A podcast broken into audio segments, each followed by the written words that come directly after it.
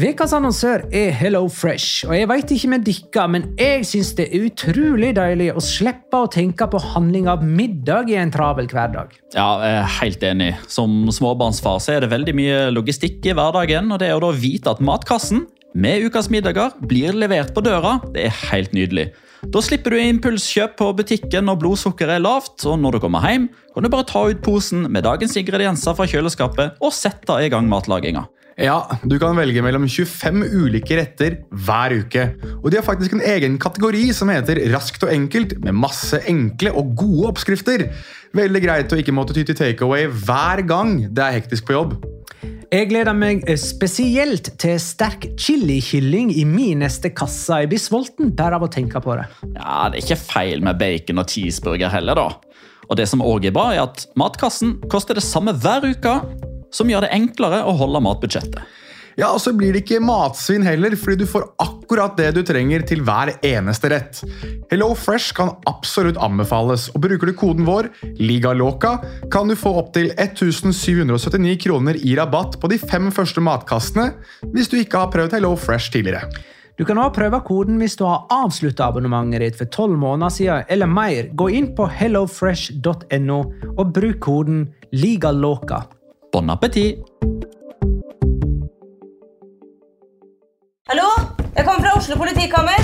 Ine Jansen er purk. Er du purk? The motherfucking bitch. Alt jeg vil, er å finne ut hva som skjedde med mannen min. Jon Carew. Er jeg sikta for noe? Iben Akeli. Det er du. Ole So, Lars Berrum og Big Daddy Karsten. Hvem sin side er du på, egentlig? Anette Hoff, Tone Danielsen, Kommer du fra Afrika? Jørnis Josef, Nesten. Kløfta. Trond Espen Seim. Det er synd å si det, men det var feil mann som døde. Purk. Premiere tirsdag på TV2 Play.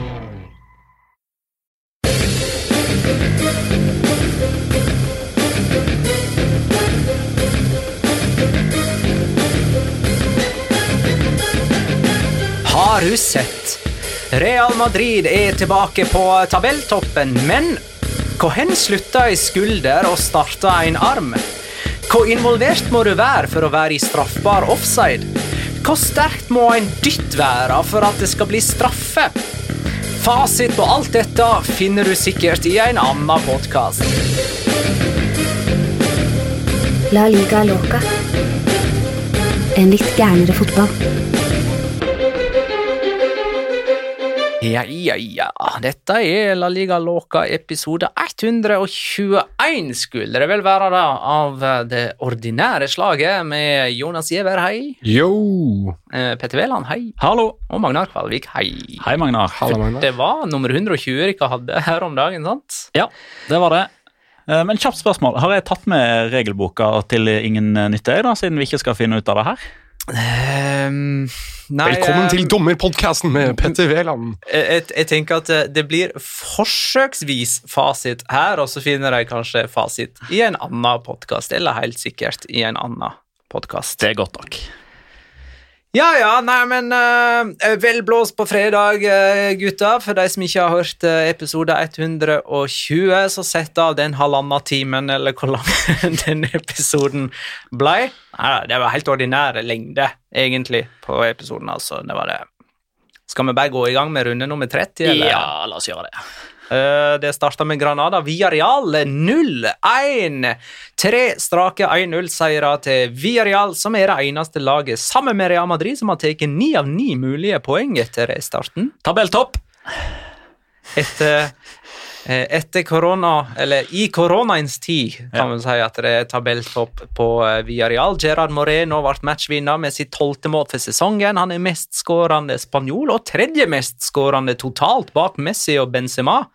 Uh, Villarreal er på sjuendeplass, fem poeng bak Sevilla, som er nummer fire. Og innen denne podkastepisoden har kommet ut, så har de også via eh, Sevilla med 1-0 etter en feil idømt straffe. Nei, det har de ikke. Og det er av samme grunn eh, som at de ikke slo Leganes forrige gang de hadde tre strake seire. For det er der det stopper. Det har de gjort de sju siste gangene de har tre strake seire. Så Ja. det stopper der. Ja, øh, men Villarreal har i alle fall tatt flere poeng denne sesongen enn hele forrige sesong. Det har de. Det ser jo ganske bra ut, da. Mallorca-Leganes 1-1. Dette var to av tre lag under streken. Salva Sevilla sendte Mallorca i føringen på frispark under muren, ganske fiffig, før Oscar Rodriguez skåra sesongens frisparkmål over muren. Eh, det så nesten ut som den ballen gikk til himmels før han plutselig traff tverrlegger og spratt ned på innsida av streken. Oscar Rodriguez er 21 år, er eid av Real Madrid og har skåra ni mål for Leganes denne sesongen. Så mange mål har ingen Leganes-spiller noen gang skåra i en La Liga-sesong. Og fire av dem på frispark. Han kommer til å bli den aller første som når tosifra for uh, Leganes. Det er helt overbevist om, for De kommer jo til å få et frispark fra 30 meter inn i løpet av de siste åtte kampene. Og da, da blir det mål. Klasker de frisparkene i mål, da. Fytti grisen for en skuddfot han har. Og det er liksom ikke bare de frisparkene òg. Altså, Du har langskudd mot Celta, langskudd mot Viadial. Eh, så en sånn der compilation eh, med høyrefoten til Oscar Rodriguez. Sånn deilig teknomusikk i bakgrunnen, eller sånn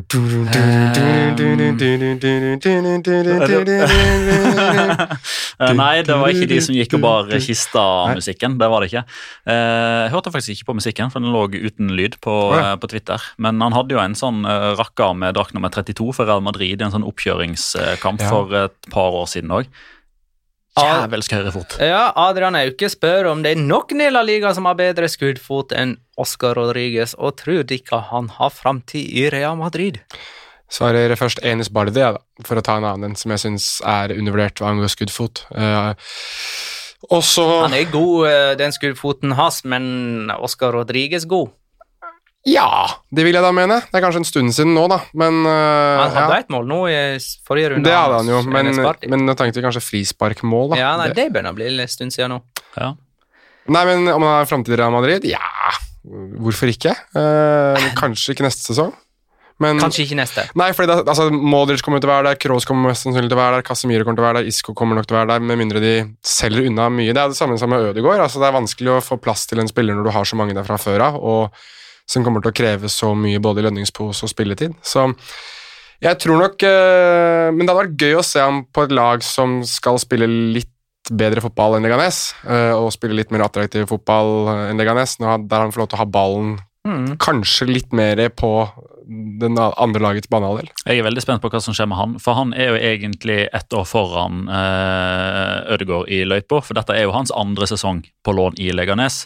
Det var jo ikke den samme varianten som ble inngått i form av at det var en sånn toårig leieavtale som ble delt opp i én pluss én. Det var jo at han var på lån der 18-19-sesongen, og så forsøkte han seg under preseason, og så etter hvert så fant man vel ut at det, nei, ta en sesong til der, du. Og det har han jo nytt ekstremt godt av. Men det er jo som du sier, Jonas, det er jo ikke akkurat sånn at det er en ledig plass eh, på den Real Madrid-midtbanen som han bare skal inn og ta, på samme måte som Ødegaard. Eh, Så jeg håper at de finner en, en leieavtale som gjør at han kan utvikle seg og spille fotball eh, på en måte som passer han, sånn som de klarte å finne med Ødegaard i Real Sociedad. Kanskje en klubb som eh, Veldig spennende i Sevilla. Jeg tenker Sevilla, jeg. Oi, jeg sa Betis til Sevilla. Oh, Ja, ja, litt morbo okay. her. Ok, ja, det er greit, det. Mallorca Leganes var det, eh, ja. Sevilla Barcelona 0-0. Det var sene fredagskvelden. Første gang siden 2003 at Sevilla og Barcelona spiller en målløs kamp på Ramón Sánchez Pijuan. Mer om dette senere. Okay, ja. Español vant 1-3. Español som skulle vinne La Liga etter gjenoppstarten, røk altså på en skikkelig smell her og falt ned igjen på bunnen av tabellen. Jeg er så skuffa, jeg. Er ikke det et pent sjølmål av Pedrosa som avgjør den kampen? Her er en fun fact. Eh, Det var det 93. sjølmålet til Español i La Liga-historien. Flest av alle.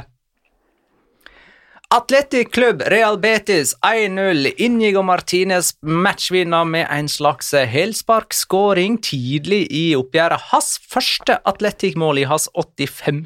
kamp for klubben. Han skåra jo 17 for Real Sociedad, han, på 283. Eh, der kom skåringene hyppigere, for å si det sånn. Eh, Betis hadde sjansen til å utligne her på straffespark, men den sendte Canales over mål. Dermed er Rubi ferdig som Betis-trener. Den første treneren som får sparken etter gjenoppstarten. Eh, Han var jo ganske nær ved å få sparken før oppholdet, og mer om det seinere. Getafe Eibar 1-1. Getafe er uten seier etter gjenoppstarten. De har fire seriekamper på rad uten seier, faktisk. Og der mista de grepet om fjerdeplassen.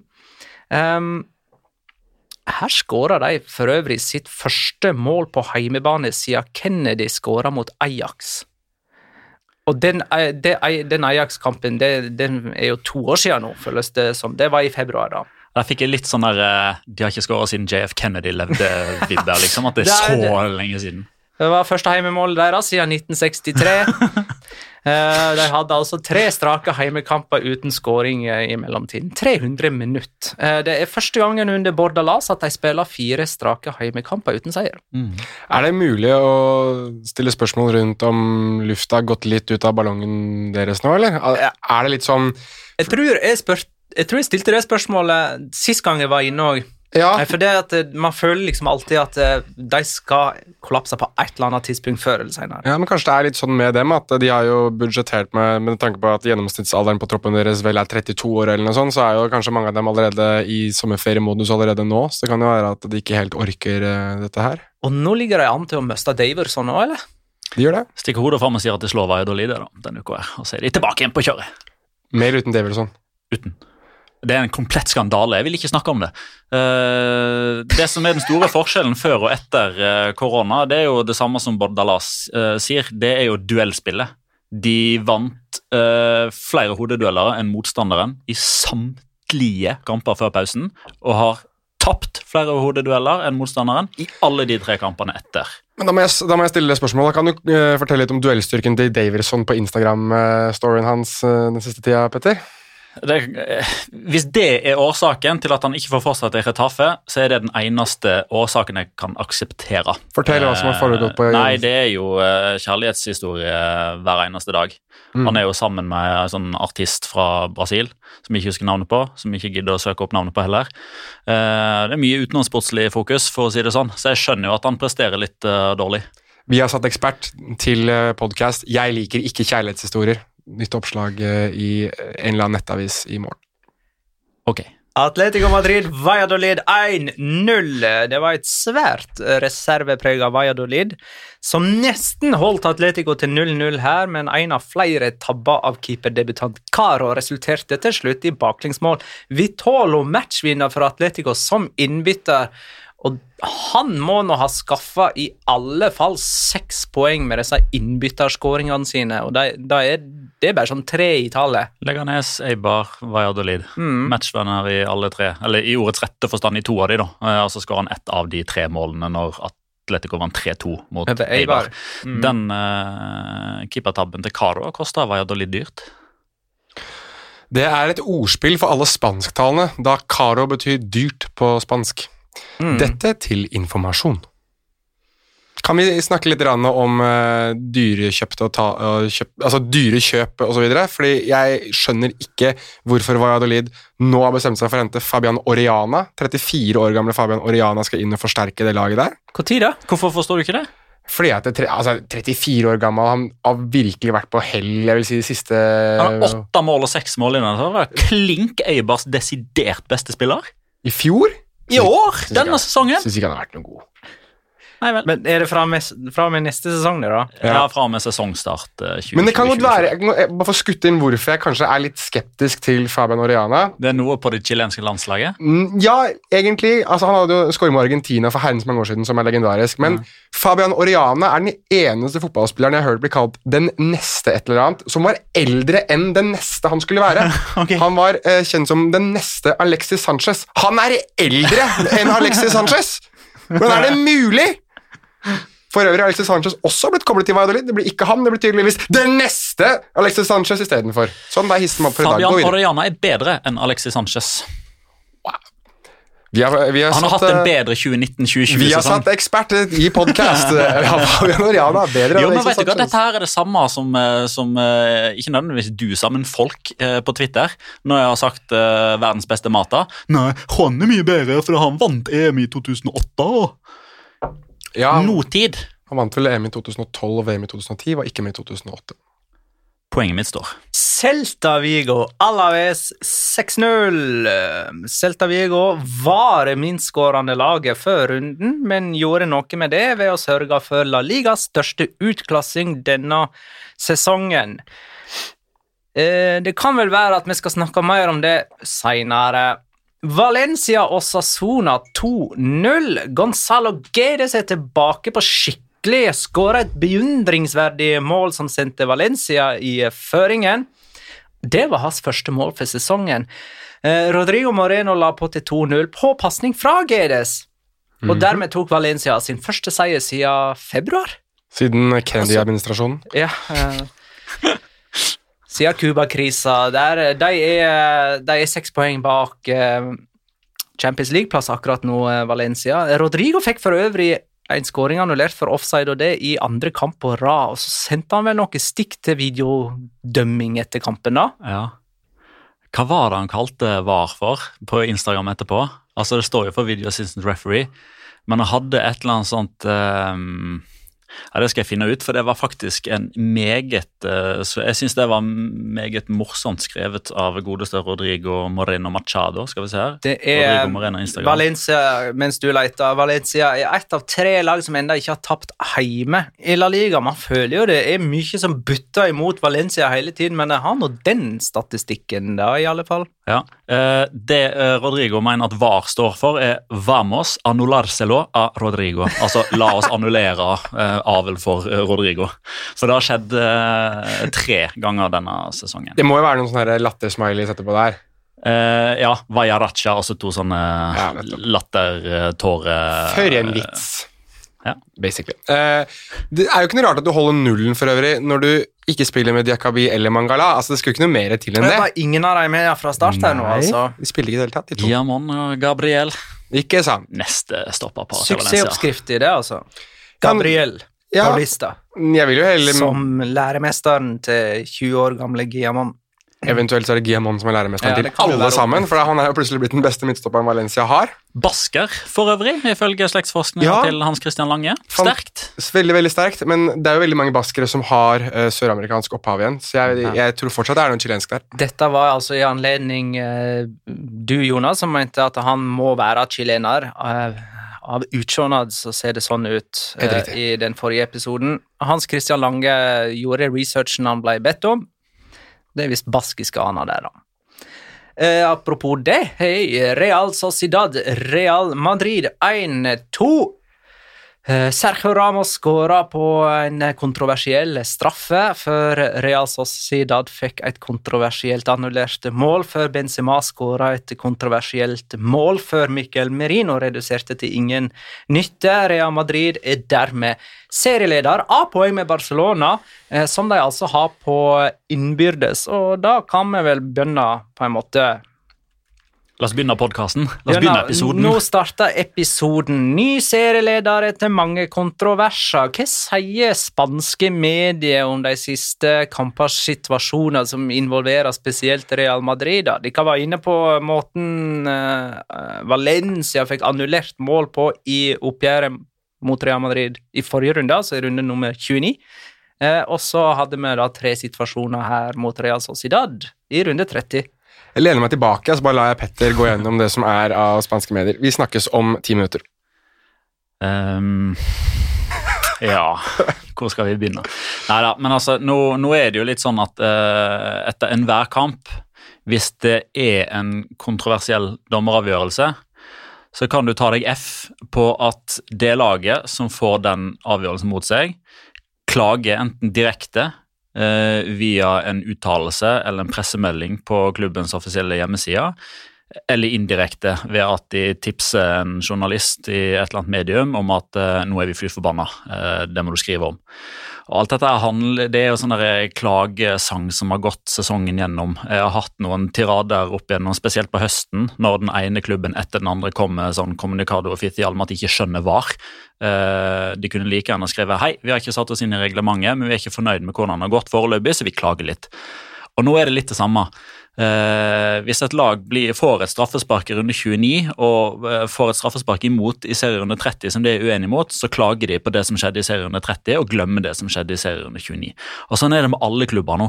Det er liksom, nå har det kommet til et stadie der det ikke er noen som er spesielt verre enn andre. Men det er klart det blir mye mer oppmerksomhet når det skjer med enten Real Madrid eller Barcelona. Og jeg skrev det på Twitter to minutter etter den annulleringa av uh, skåringa til Adnan Janusai, at nå er forsidemakerne i uh, Mondo Deportivo og Sport på jobb. Og det var jo ikke akkurat noe jeg trenger å få en pris for, for alle skjønte jo hvordan den forsida kom til å se ut. Lider kon var, altså de leder med var. Og det var både skandale og katastrofe, og det var ikke måte på hvor store disse dommerfeilene var. Og jeg har sagt det før, og jeg sier det igjen, en av de få negative tingene med å følge spansk fotball tett, er den hersens søppeljournalistikken der. Det er jo en video som eh, går eh, viralt nå sånn i disse dager. Det er en video av presentasjon av alle 20 dommere, der eh, hver enkelt av dommerne går liksom mot kamera og legger hendene i kors. Liksom Samme opplegg som det spillerne gjør i forbindelse med lagoppstillinga. Alle 20 dommere går hver for seg fram til kamera og legger armene i kors. Uh, og den videoen går nå med Real Madrid-hymnen og Real Madrid-logo opp i høyre hjørne til teksten 'Meget sterk Real Madrid-stall i 2019-2020'. Det er, jo, det er, jo, sånn som er litt gøy, da, fordi den videoen har jo ikke blitt laga av, av, et medium. altså Der er det jo en person ja, det, som syns at dette her Men dette det kunne ha vært en avis eller en medieperson som hadde enten retweeta eller eh, fått den lagt inn på sine sider. Det, det er typisk spansk Det er mange media. Eh, journalister i Spania nå som er veldig selektive i hva slags repriser for eksempel, som blir vist på TV og ikke. Det var, det var for øvrig en tweet av Territorio Che som, som jeg så denne videoen fra. da, ja. og det er jo en Valencia Valencia-fankonto. Jeg syns jo uansett at uh, Gerard Romero Vi skal sikkert inn på Gerard Piquet etterpå. Men Gerard Romero, altså en, av de, en som jeg anser som kanskje en av de aller mest troverdige journalistene på Barcelona spesielt, og på de katalanske lagene, var jo Altså, Å si i fistel er jo nesten underdrivelse. altså jeg bare leser, så kan Petter få lov til å oversette i hvert fall bare de første fire ordene her. og Det er «que puta vergüenza tolo». Det kom da For en pipskam, alt sammen. Ja. Det er uh, basically det han Og så klaget han da på at ikke det var en eneste pip-repetisjon uh, som gikk over skjermen, mens det gikk repetisjoner på skjermen av alle situasjoner han klaget på. Uh, det som var situasjoner Først var det jo et straffespark som noen sikkert syntes var billig. Uh, Syns han var ok, ja. Jeg synes ja. det var ok. Det er jo et spark på leggen eller på, ja. på ankelen der før han skal skyte. Ja, Vinicius Junior, for øvrig, bare for å skutte inn det, jeg er enig med Magnar under kommenteringa. Fytte rakkeren god han var. Hæ? Når han, han var bra, han. Når han får lov til å isolere seg og begynne å sette på danseskoa sine, så er det jo ingen som henger med. Nei, i alle fall ikke Goro Sabel. Han hadde en tung kveld på jobb.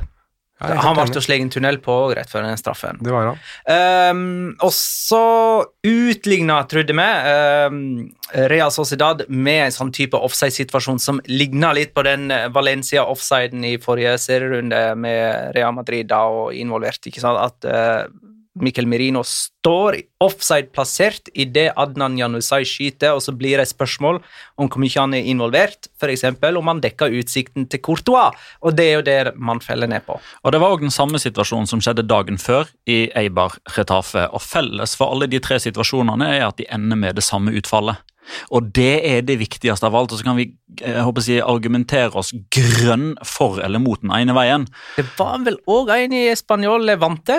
Eh, det var det òg. José mm. Campagna sin scoring ble annullert. På grunn av at det er en... Og han syns det var mindre involvert i spillet, eller mindre skygga for keeper, enn det Miquel Merino gjorde. Så akkurat ja. her lurer jeg på om det er ganske grei linje de har lagt seg på, at det er litt mer sånn konsekvent. Ja, og tre av de fire er offsider som blir tatt umiddelbart og uh, si, godkjent av uh, VAR, mens den da til Pedro Biga som jeg nevnte, den ble opprinnelig godkjent, men annullert i etterkant. Og da er det sånn Eh, vi må drive litt opplæring her, merker jeg. fordi Basert på de tilbakemeldingene som kommer fra Twitter, så er det så forbløffende mange som henger seg opp i det at han ikke var borti ballen. Ja, men Maxi Gomez var ikke borti ballen. Ja, men uh, José Campagna var ikke borti ballen. Ja, men Miquel Merino var ikke borti ballen.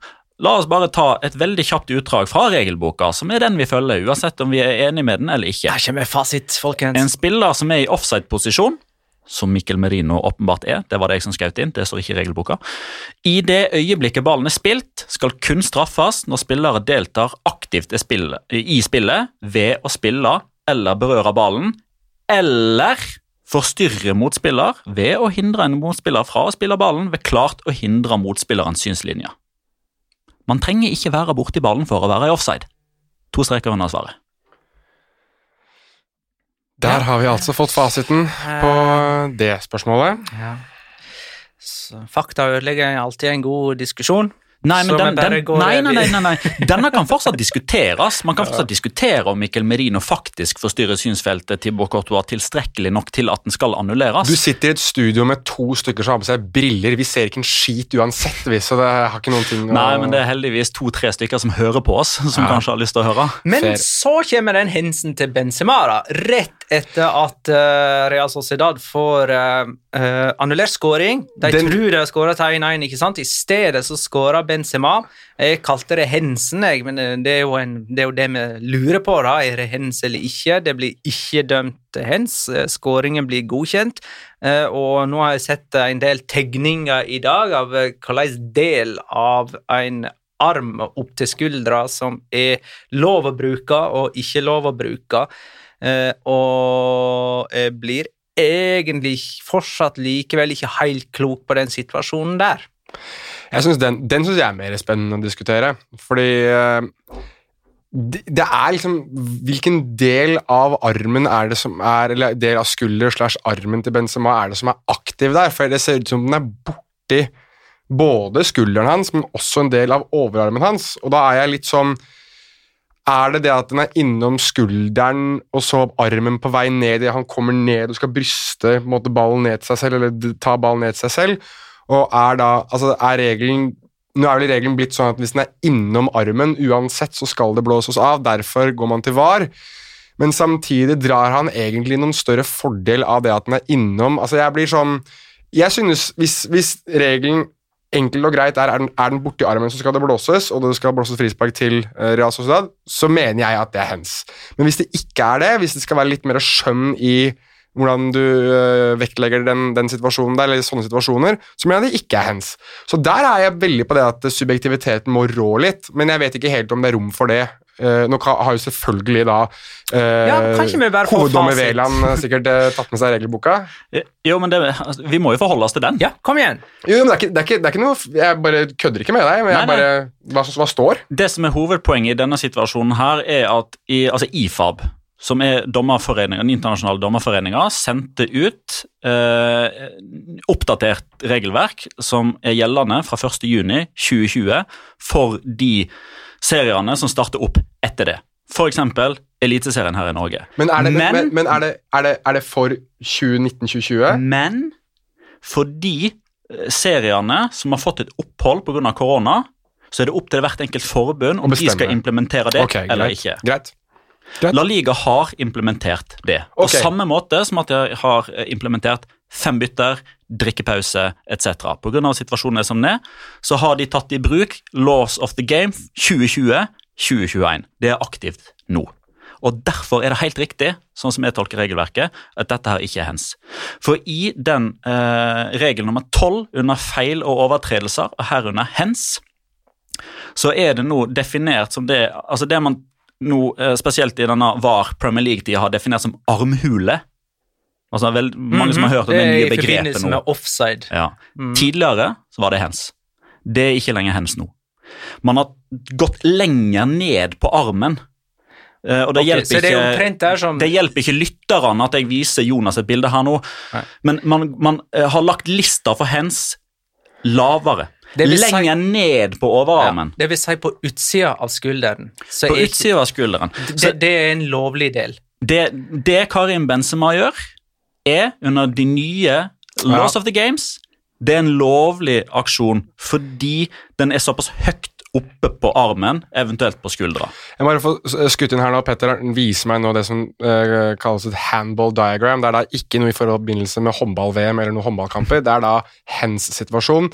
Og der er det et område, altså øvre del av skulderen og helt øvre del av armen, som er grønt, der det står 'no handball'. Resten er da i rødt, hvor det står 'handball'. Jeg kan også vise den til Magnus, han har sett Jo, jeg har sett uh, Ja. denne, så jeg vet hva jeg Jeg- snakker om. jeg Poenget- synes da- Kan jeg- jeg bare få beskrive at hvis ballen detter oppå skuldra, så, så, uh, før, så, så, så var ikke det hens. Men Nei. hvis han datt på sida av skuldra, altså på toppen av overarmen, så da var det hens. Men det er ikke det lenger. Nei. Ja, det, og det er nettopp det. Og, og nå, har nett, nå har man jo fått det jeg føler folk har etterspurt. Det er den grensa for hva som er hens og ikke. Nå har man den tegninga der å forholde seg til, og så blir det alltid en subjektivitet. Men det som er poenget her nå, er at dette her er jo akkurat det folk ønsker. Ref alt den der alt er hens-debatten og diskusjonen og, og, og klagestormen som har gått, men alt er hens. Dette betyr at mindre blir hens. Det må jo være bra.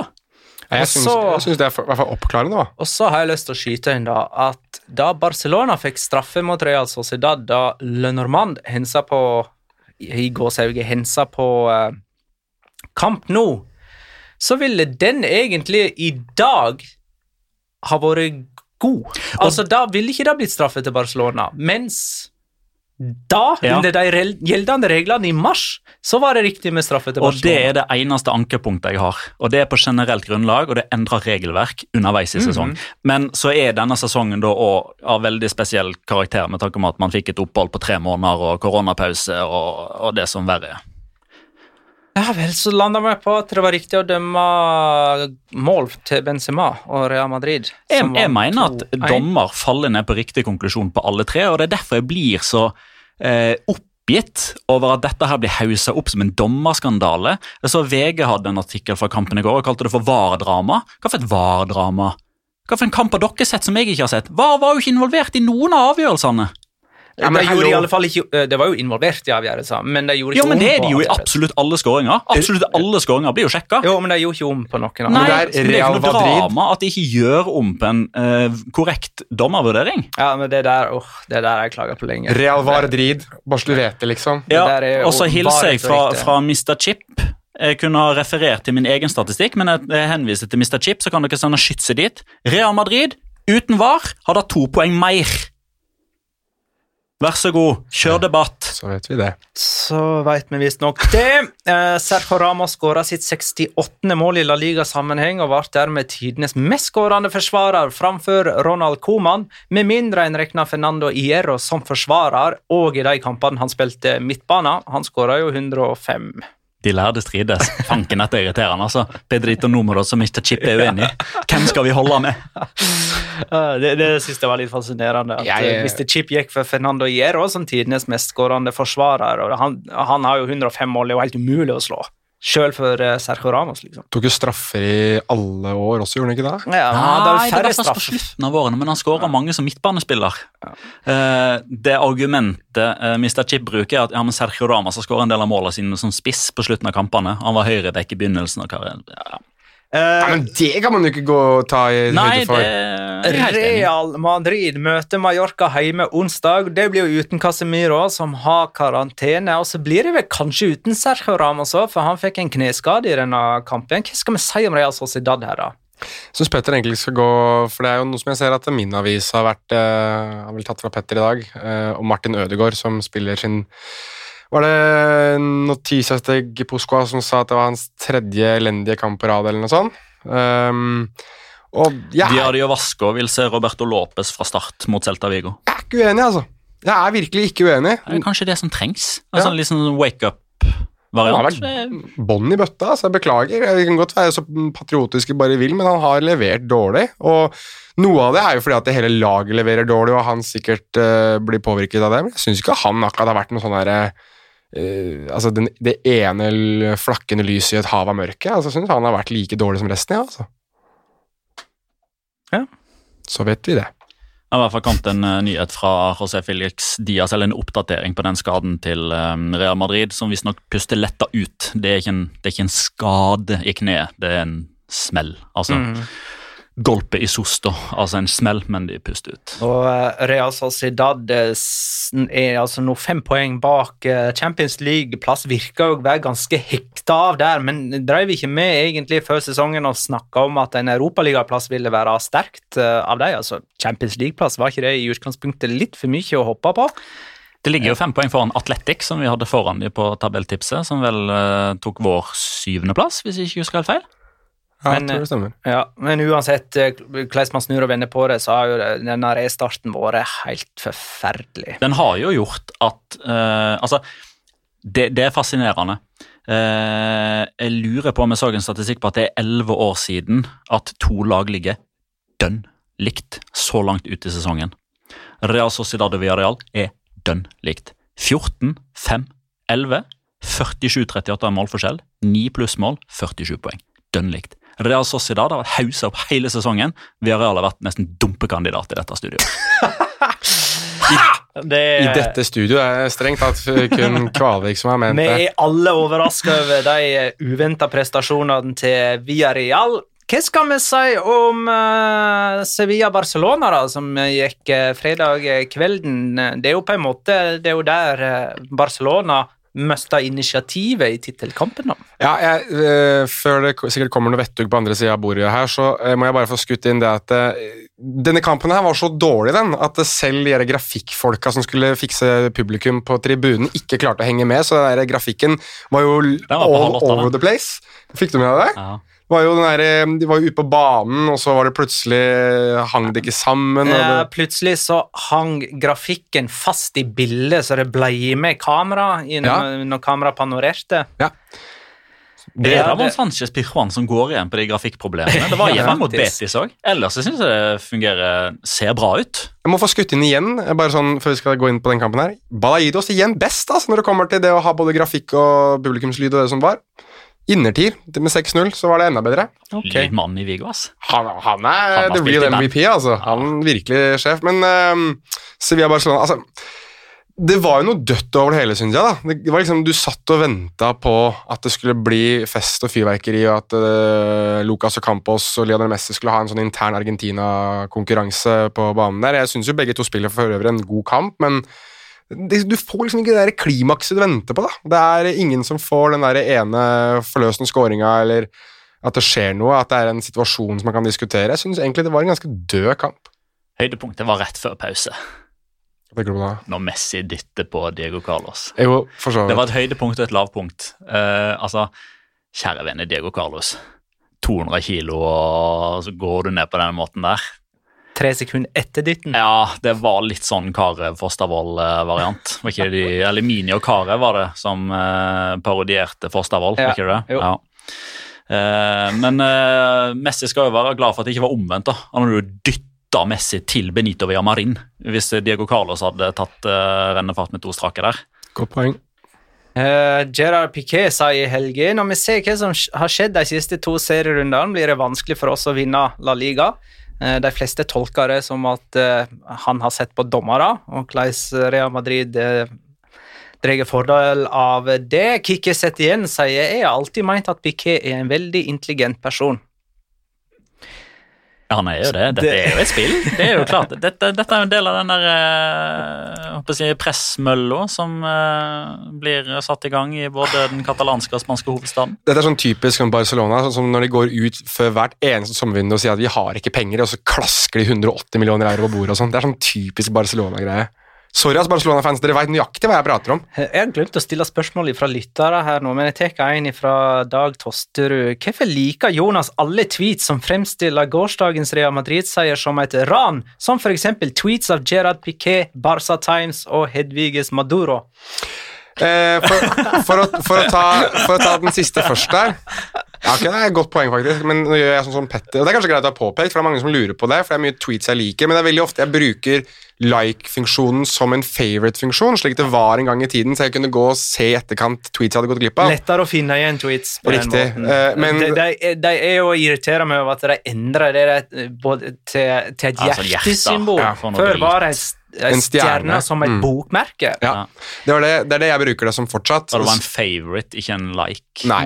Jeg, men jeg var usikker på om, om eh, de faktisk hadde et poeng til å begynne med. Men sistemann der, Hedviges Maduro, er en legende, så han må du jo like alt sier uansett. Hvem- Ok, Så noe er faktisk å like, mens andre er bokmerke? Ja. Okay. Noe av det er også for å vise litt støtte òg. Vi, vi skal inn på liking og favoriting og retweeting etterpå, Magnar, så du kan bare glede deg. Um, det var litt mar eh, bemerkelsesverdig at eh, de seks eh, fremste på dette Barcelona-laget eh, Av de seks fremste så var Brathwaite den eneste under 30 år, og han er 29. Eh, jeg mener, Lionel Messi han blir 33 nå på onsdag.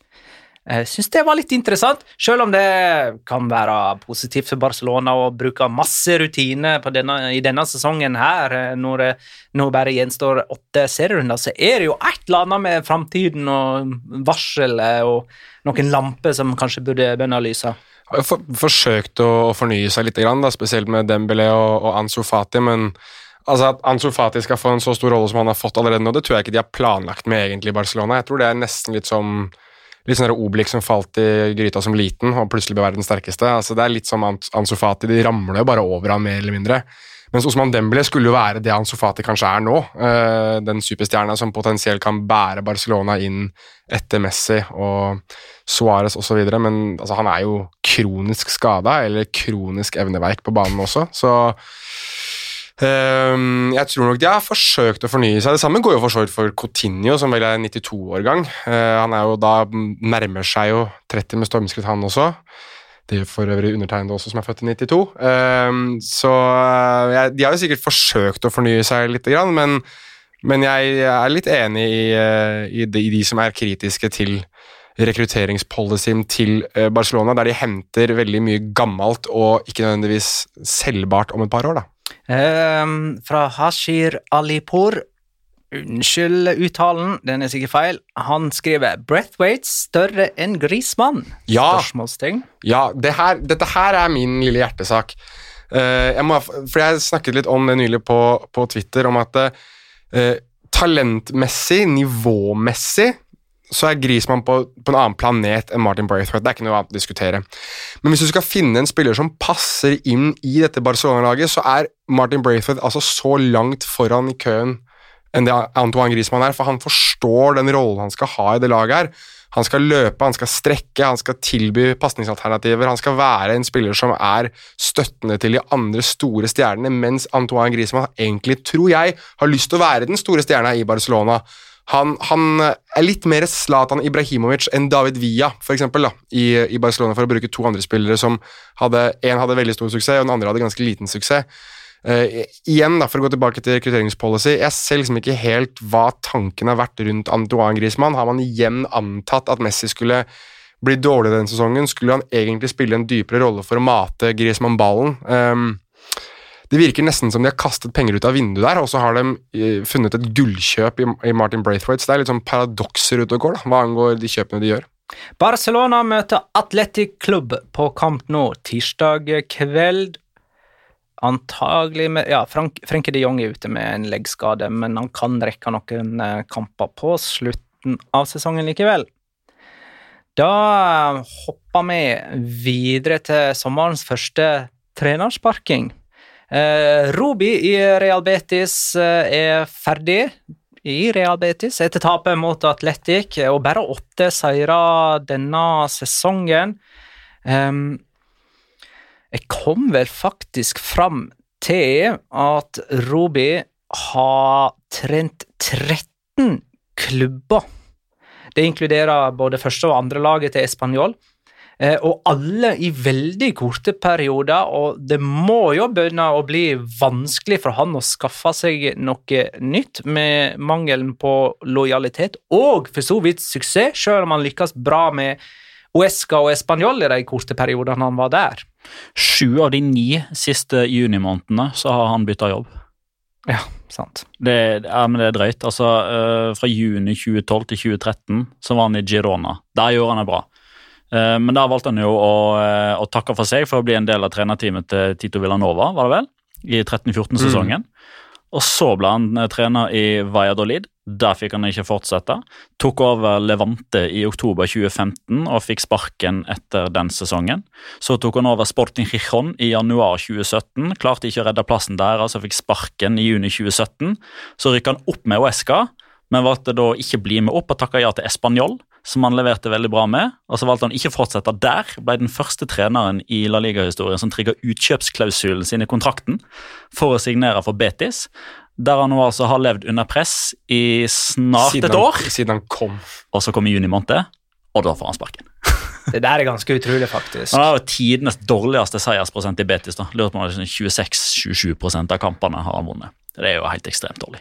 Stakkars Ray Liotta. Som, eh, som Betis-trener. Jo, men som hovedtrener, da. For jeg mener Ja, ja, så Han som tar over nå, Alexis Trujillo, har jo null seire på to kamper. To uavgjorte, så han har null. Eh, Så han må jo ha vært hovedtrener, ja. Men det må jo være med et visst antall kamper, eller? Nei. Nei, ok. Ikke Eh, ifølge Fran Martinez, La Liga en directo. Ja, nei, det er greit, det. Eh, Alexis Trojillo. Trojillo. Sorry. Jeg prøver å jeg holdt på å veldig, veldig ømt. For jeg fikk snus i halsen. Ja, okay. ja. Kunne vært verre. Trojillo. Nei da, nå bare tuller jeg. Eh, han har fortid som Betis-spiller, eh, men aldri som hovedtrener for noen klubb. Eh, og så er han altså midlertidig trener nå, og var i to kamper i eh, 2017. Eh, og da virker det som Real Betis bare går ut ifra at eh, de åtte poengene de har ned til eh, nedrykksstreken, det, det holder, liksom. Det er nok for å unngå Det var jo tilsvarende de gjorde i 2017, der, for når Victor Sanchez Del Amo fikk sparken og to serierunder under slutt, så var jo plassen sikra. Men det var bare at de skjønte at dette går ikke. Altså, vi, vi, må, vi må bare kvitte oss med den udugelige fyren her og forsøke å få inn en ny. Den som kom inn da, var jo Kikiset igjen. Det traff de jo på, vil jeg si. De kom til Europa, de spilte feiende flott fotball. og Det som gjorde at de altså, fikk knytta seg til typer som William Carvalho og Fe Nabil Feki før denne sesongen, det var jo pga. Det, det ryktet de hadde som den klubben som spilte kul fotball. Så jeg er veldig spent på hvem de får nå, da. Mm. Eh, og det, det, den sparkingen, eller den avskjedigelsen av uh, igjen, virker jo bare rarere og rarere for hver dag som går. ja, men skal du ha rar rarhet hva angår avsettelse, og legge det ut klokka to på natta at man sparka Rubi, det synes jeg er Det er jo eh, ni på kvelden her. Hæ? Det er jo ni på kvelden her norsk tid. Ja, jo, jo, jo, men kom nå igjen, da. Klokka to på morgenkvisten, liksom. Ja, men da er spanjolene i full vigør, de, altså. Så Ja, Nei, men, nei, men Jeg er faktisk enig, for da, da er alle de store radioprogrammene nettopp ferdig. Ganske De er ferdig sjukt. 0130. Ja, Eller El Argero Ja, og eh, El Partidas Ja. og alt det der. Uh, jeg trodde jo Real Betis kom til å havne over Sevilla denne sesongen. Uh, Det er ikke helt umulig. Ta og, eh, jeg skal ta en revurdering på det. Jeg skal i alle fall tenke på det til neste episode. Det er bare 18 poeng, og det er 30 poeng, nei, 24 poeng igjen å Det spille om. er så klassisk Magna i Jinx at det det nesten er kvalmt. Ja, ja, men til fordel, nesten for, fordel for Sevilla, da, i så fall. Men eh, i alle fall, uh, har vi noen vi kan lansere som kandidater, eller blir det bare altfor tidlig? Det er jo tre da som har vært nevnt, i hvert fall, sånn, mens Rubi har vært på stupet, og det har jo vært Marcelino og eh, Manuel Pellegrini, som jeg syns er uh, Altså, De er jo ytterpunkter for hver sin fotballfilosofi. så Det er, det er jo igjen Betis som ikke helt vet hva de vil, virker det som. Og sistemann som var nevnt eh, for en god stund Ja, da har du Ja, har vi ja, Javi Garcia. Gracia, eller Javi, Garcia? Javi Gracia. Sorry. Ja, Fikk du eh, snus i halsen? Uh, nei, bare eh, kokk opp. Da har vi Gracia, som ikke jeg har fått med meg, men har tydeligvis nevnt han nå. Da blir vi helt sikkert han. Og så er sistemann Marcelo Bielsa. Men jeg tror ikke det blir Bielsa. Det hadde vært supergøy. Det hadde vært moro. Tenk om det hadde blitt Jorge Sampaoli. ja, Magnar. Det hadde òg vært moro. Da havner de over Sevilla på eh, tabellen. Ok, men eh, vi, har vi muligheten til å ta veldig kjapt eh, den der redningsaksjonen som Betis virket å ønske å bedrive, og så klarte de det ikke pga. sånne helt vanvittig rare greier? Unai Simon på streken i 82. minutt, straffespark i 84. som Sergio Canales banker over. Unai Simon med fantomredningen sin i det 91. minutt på Faker sitt frispark. Det var sånn, De var klare for nok en redning av Robi helt på slutten, som skulle gi ham i hvert fall én kamp til, men nei da! Det skulle ikke gå denne gangen. Marginer imot, Robi ut. God kamp av Unai Simon i Atletikkburet. Vi må snakke litt om eh, Celta Vigo, som altså står for eh, sesongens aller største seier i eh, La Liga. Um, her har jeg skrevet Celta Vigo vakna, eller var det bare en vakker drøm? De slo altså Alaves eh, For et vakkert spørsmål. 6-0. Altså, Jeg frykter jo litt for deres del at de brukte opp skåringskvota nå. da, At nå er det tilbake igjen til fire strake smultringer. og... Men så kom jeg jo på at nei, Nolito er jo der jo. Han skal Ja. jo fortsette å være der. Ja, Så det er jo eh, Når vi oppsummerer 20. juli Nolito redder plassen til Celta Vigo. Eh, Celta Vigo leder her 4-0 til pause. Nå ble jo eh, selvfølgelig Martin eh, for Alaves utvist ganske tidlig, men likevel eller, Jeg vil høre etternavnet hans. ja, ja hva skal Magne? Agir eh, Gabiria. Ja. Hei! Ja. Um, De skåra fire før pause, ja. De hadde ikke skåra mer enn fem mål til sammen i alle de 29 første omgangene de hadde spilt uh, før dette. uh, og Peter Losvik spør har det utenomsportslige fokuset i Celta letta på presset uh, på spillernes skuldre og ført til at det blir sirkusfotball i Vigo utover sommeren. Jeg er litt usikker på hva jeg mener med det utenomsportslige fokuset. Er det noe sånn, Det er skjønner jo sånn Pione sist og Fjodor Smolov og Ja, ja, koronakrisa var det jo full fest i Vigo. Stemmer det. Stemmer det. Men det, det er var, jo- det var Vigo og Sverige. Vigo og Sverige var de to stedene der det virkelig var eh, full fres i teltet. Men jeg, vi snakket jo om Oscar Rodriguez eh, sin scoring tidligere. Dette her var jo en, en Oscar-vinnende prestasjon av typen Fernandes på, mm, på benken for uh, Celta. Jeg synes jo de var uh, helt outstanding, i hvert fall i den første omgang. Det var litt, litt tamt i andre, men det var sånn litt sånn maktdemonstrasjon med ball og egentlig ikke gjøre så altfor mye mot et lag som lå ganske dypt. Men den første omgangen tror jeg er den beste første omgangen jeg har sett av noe lag i La Liga denne sesongen. Helt vanvittig. Og Nolito altså henta som erstatter for reservekeeper, spiller i angrep med drakt nummer tre. Det er jo litt useriøst, alt det der. da. Ja, det er jo det. Bomma jeg for øvrig på hvilken Oscar var jeg snakket om nå? Oscar Jeg, Ja, Garcia? Oscar Garcia. du sa Oscar Fernandez, Jeg gjorde det. eh, men så var ikke jeg helt sikker. Men, Nei, eh, Oscar Garcia, ja. Jeg tok meg selv i det her nå. Det var Oscar Garcia selvfølgelig som trente dem. Oscar-prestasjon nonetheless. Det var det som var ordspillet. Jeg syns det er litt gøy å, eh, å se på de uh, små detaljene, de små valgene som kan ha endra en hel sesong. Fordi når jeg logga statistikken i etterkant av den kampen, her, jeg fikk ikke sett den direkte, så jeg så den i opptak, eh, det er jo at eh, den 1-0-skåringa kom jo etter en død ball. Men det første innlegget som blir slått inn, blir jo heada ut igjen. Eh, og så er det en Celtas eh, Vigo-spiller som, eh, som er først på andre ballen, Kevin Vasquez, spiller den ut igjen til Dennis Suárez. Og idet Dennis Suárez mottar ballen, så har Jason Morillo nese mot eget mål. Han er på vei hjem. Men så ser du altså, og Han tar to-tre ordentlig sånn sprintsteg, for han- skal hjem og dekke kontra. Og så ombestemmer han seg. Og så snur han seg, og så løper han inn i boksen, og så skårer han 1-0. Altså Hvis han ikke hadde ombestemt seg, da hadde jeg tenkt sånn Shit, fuck, jeg prøver. Så hadde ikke Celta Viggo skåra der nødvendigvis, og da kunne den kampen her endt 0-2. Mm. Da har vi nevnt målet til Morillo, og som skåra jo Jago Aspas på straffe. Det samme gjorde Nolito. I tillegg så spilte han fri Santimina. På nydelig vis. Ja, ja, ja. Det, det var plutselig eh, bare sånn forløsende alt sammen. Og så hadde du to mål av Rafinha, og det var mål! Spesielt det første. Og jeg har venta lenge på Rafinha her, altså. Ja, skal... det var, Det, var, det var et hyggelig gjensyn, for å si det sånn. Han framprovoserte jo den utvisninga til Agir Gabiria. Ja, det det stemmer. han som nesten ble kløyvd i to. Det er jo en tier på børsen, det der. Iallfall førsteomgangen. Altså. Ja, når Amahl Pellegrino får ni etter gårsdagens KBK-kamp. Og de hadde samme- ti, altså. de hadde samme scoring òg, de to. Den, Ja, bare speilvendt. ja, ja, Ja. nettopp. Fantastisk. Eh, ja, men Rafinha tok vel ikke ned ballen fra et eh, Nei, Pellegrino sin var faktisk ufattelig enda Ja, det skal Det er et godt sies. poeng. Men, eh, men uh, Petter sa jo at å bruke opp skåringskvota si Dette her er jo altså, ekvivalenten, fotballens ekvivalent på det å gå rundt og være så inn i helvetes bæsjatrengt i lang, lang tid, og så endelig setter du deg på ramma, og så tømmer du bare hele ryggen i den der Porsgrunn porselen-skåla. Det- Det er det det her er. Så er spørsmålet hvor lang tid det tar før de må drite igjen.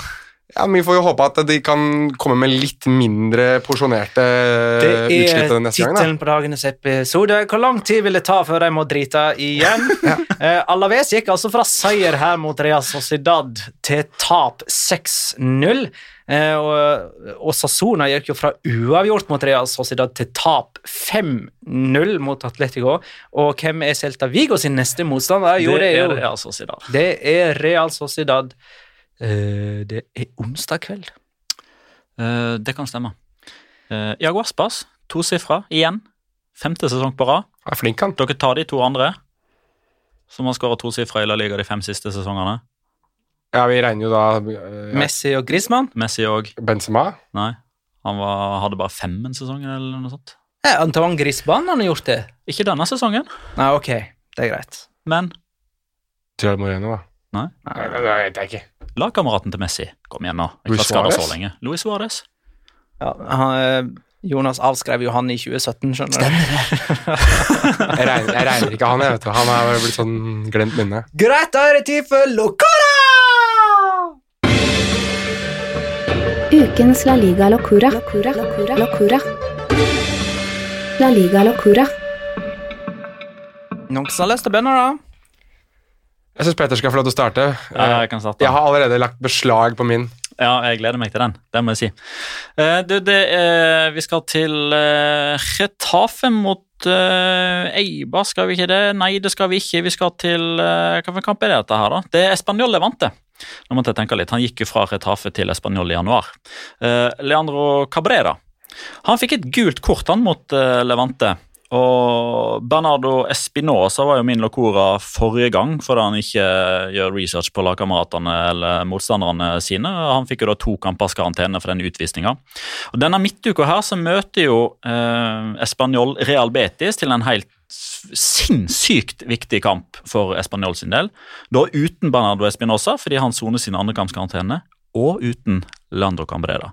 For det kortet han fikk mot Levante, det var hans femte, sesongen, femte for sesongen, ergo karantene. Og Etter kampen så kalte han det sjøl for det mest surrealistiske og tåpelige gule kortet noensinne. Og da lurer du kanskje hvorfor. Eh, Nei, det var ikke en trøyeholding midt på banen i en ufarlig situasjon eller noe sånt. Nei, han eh, hadde nemlig skreket 'se agacha' til dommeren for å forklare at en lagkamerat hadde dukka, altså at det ikke skulle være frispark imot. Se agacha betyr 'han dukker' på norsk. Dommeren viste han det gule kortet. Cabrera spurte ja, men hva i alle dager er dette her for noe. Jeg må jo få lov til å si det. Nei, du har ikke lov til å kalle meg for akukaracha, sa dommeren. Akukaracha er en kakerlakk. Så til alle andre spanske fotballspillere, ikke rop 'se agacha', for da kan jeg høre at dommeren tror at du sier 'cucaracha', og du får gult kort og karantene. Skal vi kjøre en dans istedenfor? Nei, jeg syns du skal ta den først.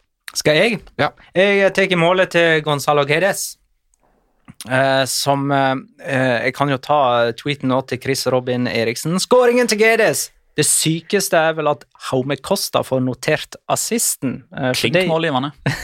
Hadde ikke Jaume Costa slått den pasninga, hadde det ikke blitt skåring. Ja, uh, Gedes plukka jo opp eh, denne ballen på egen banehalvdel og gjorde resten sjøl. en annen ting eh, Chris Robin Eriksen påpeker, er at Gedes eh, ikke legger seg og roper på frispark. Han blir jo felt eh, to ganger utafor 16-meter på dette reidet sitt, og reiser seg og fortsetter reidet sitt. Og nå har jeg prøvd å studere bildene her, jeg er ikke helt sikker på om det er helt riktig. Men for meg ser det faktisk ut som at høyrefoten hans blir hekta idet han skal skyte. Eh, og at han likevel klarer å få inn et skudd, sånn at han kunne egentlig òg ha lagt seg innafor 16 meter og fått eh, straffe.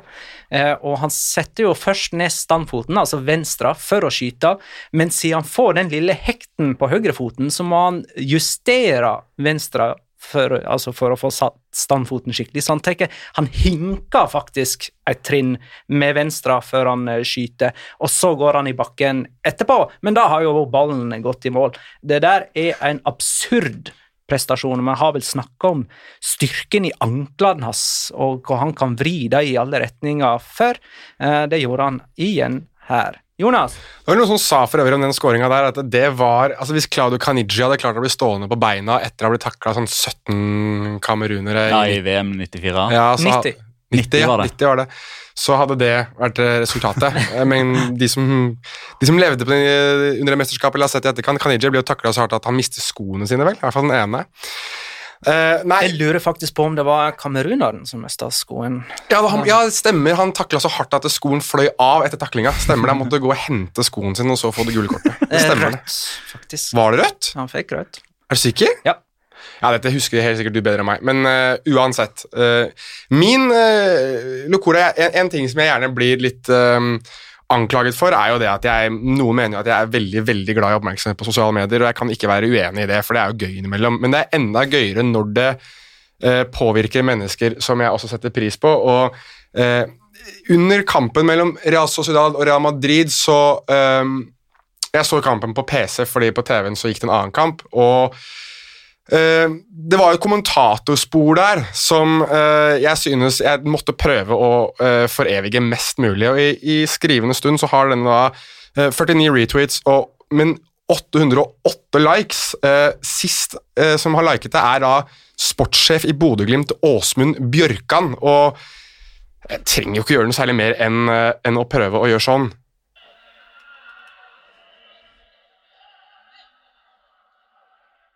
Litt doggy-style på eh, Oyar Sabal. Eh, og når da Var det han engelske kommentatoren? Når Det var i hvert fall Han engelske årdølingen. i hvert fall et veldig eh, godt engelsk begrep, men når da Mikkel Oyar Sabal faller over på, på knærne, og han da har vel Dani Carvahal bak seg, så er det selvfølgelig forståelig at man blir litt frista til å kjøre en aldri så liten frekk variant. Eh, Tusen hjertelig takk, Magna Kvalik, for årets kommentatorøyeblikk. Jeg driter i hva resten måtte mene, slik jeg har skrevet på Twitter. Ja. Dette er årets øyeblikk. Takk skal du ha, Magnar. Bare hyggelig. Um, noe litt mer spesielt har jeg lyst til å nevne. Uh, Hvis du finner noe mer spesielt enn det der. Jo, men litt sånn det, det, Altså, dette er alvorlig. Okay. Uh, Mikael Bjerkan har sendt oss en tweet om noen ungdommer i uh, Las Palmas. Uh, den ene heter Jorge Sanchez Vaca. Han uh, endte sitt liv som 17-åring. Han drukna rett og slett i Canal de Orellana. Eh, han var jo i planene for juniorlaget til Las Palmas for neste sesong, og har jo spilt for U16-laget deres. Det er jo en tragedie. I tillegg så har jo Las Palmas denne unge, spennende Pedri. eh, som vel er sikra av Barcelona til neste sesong. Og han er jo den rake motsetningen, for å si det sånn. En litt lystigere historie, for han driver jo og shower sånn skikkelig om dagen og har mange eh, fikse ballvarianter som går sin seiersgang på YouTube, så eh, der eh, i Las Palmas er det tunge tider med den bortgangen, og så litt lysere med den sprudlende Pedri. Følte for å nevne deg før vi går i gang med tippingen. Det syns jeg var helt på sin plass. Skal Eh, Forrige kamp vi tippa på, det var Real Sociedad Real Madrid. Der Petter hadde 1-3 og Benzema som første målskårer. Du får ett poeng for å ha borteseier der. 26 poeng i Europa, Petter. Jeg hadde 1-2 med Benzema som første målskårer. Så sliter jo jeg fortsatt med dette poengsystemet. Jeg tror det, det gir tre poeng for at jeg har riktig resultat. sant? Ja. Mm. Så da har jeg 27. Jonas hadde 1-2 òg, med Assad som førstemålsskårer. Det gir eh, tre poeng, og dermed 25. Så jeg har 27, Petter 26, Jonas 25. Nå begynner det å bli ganske tett. Den neste kampen er plukka ut i Celta Vigo Barcelona lørdag klokka 17. Er det greit? Det er greit. Det er greit, ja. Da sier jeg Celta Vigo Barcelona 1-2 Nolito. Jeg sier Celta Vigo Barcelona 04 Messi. Oi.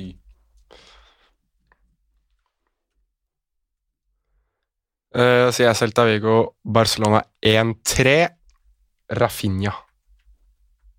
Ser man det? Nei, men da er vi i mål. Sikkert Rafinha har noe Han, han er ikke noe klausul, han? Nei. Nei, det finnes ikke de uh, shit your pants-klausulene lenger. Nei, jeg bare begynte å lure på om det var, om det var siste instans i f nå, eller om det skulle vært neste år. Ja. Ja, men da, da går jeg for Rafinha. Har dere tenkt å lage en ny episode etter serierunde nummer 31 på fredag? Jeg har lyst. Ja. Eh, Kjære lytter, se opp for eventuell episode Eventuell. før kommende helg. Men la meg bare få ta en ting som kom nå. For det er noe historisk uh, som har skjedd. Det er ikke så spennende som det høres ut som. Men eh, Asier Adamendi han eh, er jo ute med skade, så han var jo ikke på eh, i troppen til eh, Real Sociedad mot Real Madrid søndag kveld. Ikke oppført i lagoppstillinga, ikke oppført på innbytterbenken, ikke oppført på dommerkortet, eh, og heller ikke involvert i kamprapporten på noen måte. Men Ja. han har fått to kampers karantene. Fordi han kjefter og smelter på dommeren som tilskuer. Det er aller første gang noensinne at en spiller har fått karantene for noe som har blitt sagt eller gjort på et stadion, uten at han har vært involvert i selve kampen. Var det han som fikk det gule kortet som dommer veiva mot tribunen, som jeg aldri fant ut av hvem det var som Nei, fikk? det var David Sorotosa. Det var det, ja. Men det var en som ble vist vekk også, for han pekte på at du skal vekk liksom til en eller annen nå. Ja. Det var Asier Radamendi. okay. Men pga. at han ikke sto opp på dommerkortet, så ble ikke det tatt med i dommerrapporten. Men han blir allikevel straffa med to kampers karantene. Kan jeg få ta en ting på slutten, jeg også, da, siden vi får lov til å ta ting på slutten plutselig? Eh, hva er favorittbarnesangen til Merino og Oyarzabal? Byssan Lull. Mikkel Rev. Yes, ferdig. Ja, det er vi faktisk. Mikkel Merino, Mikkel Sabal, Mikkel Rev. Ja, avslutter nå. Takk for at du lytta, kjære lytter. Ha det, da.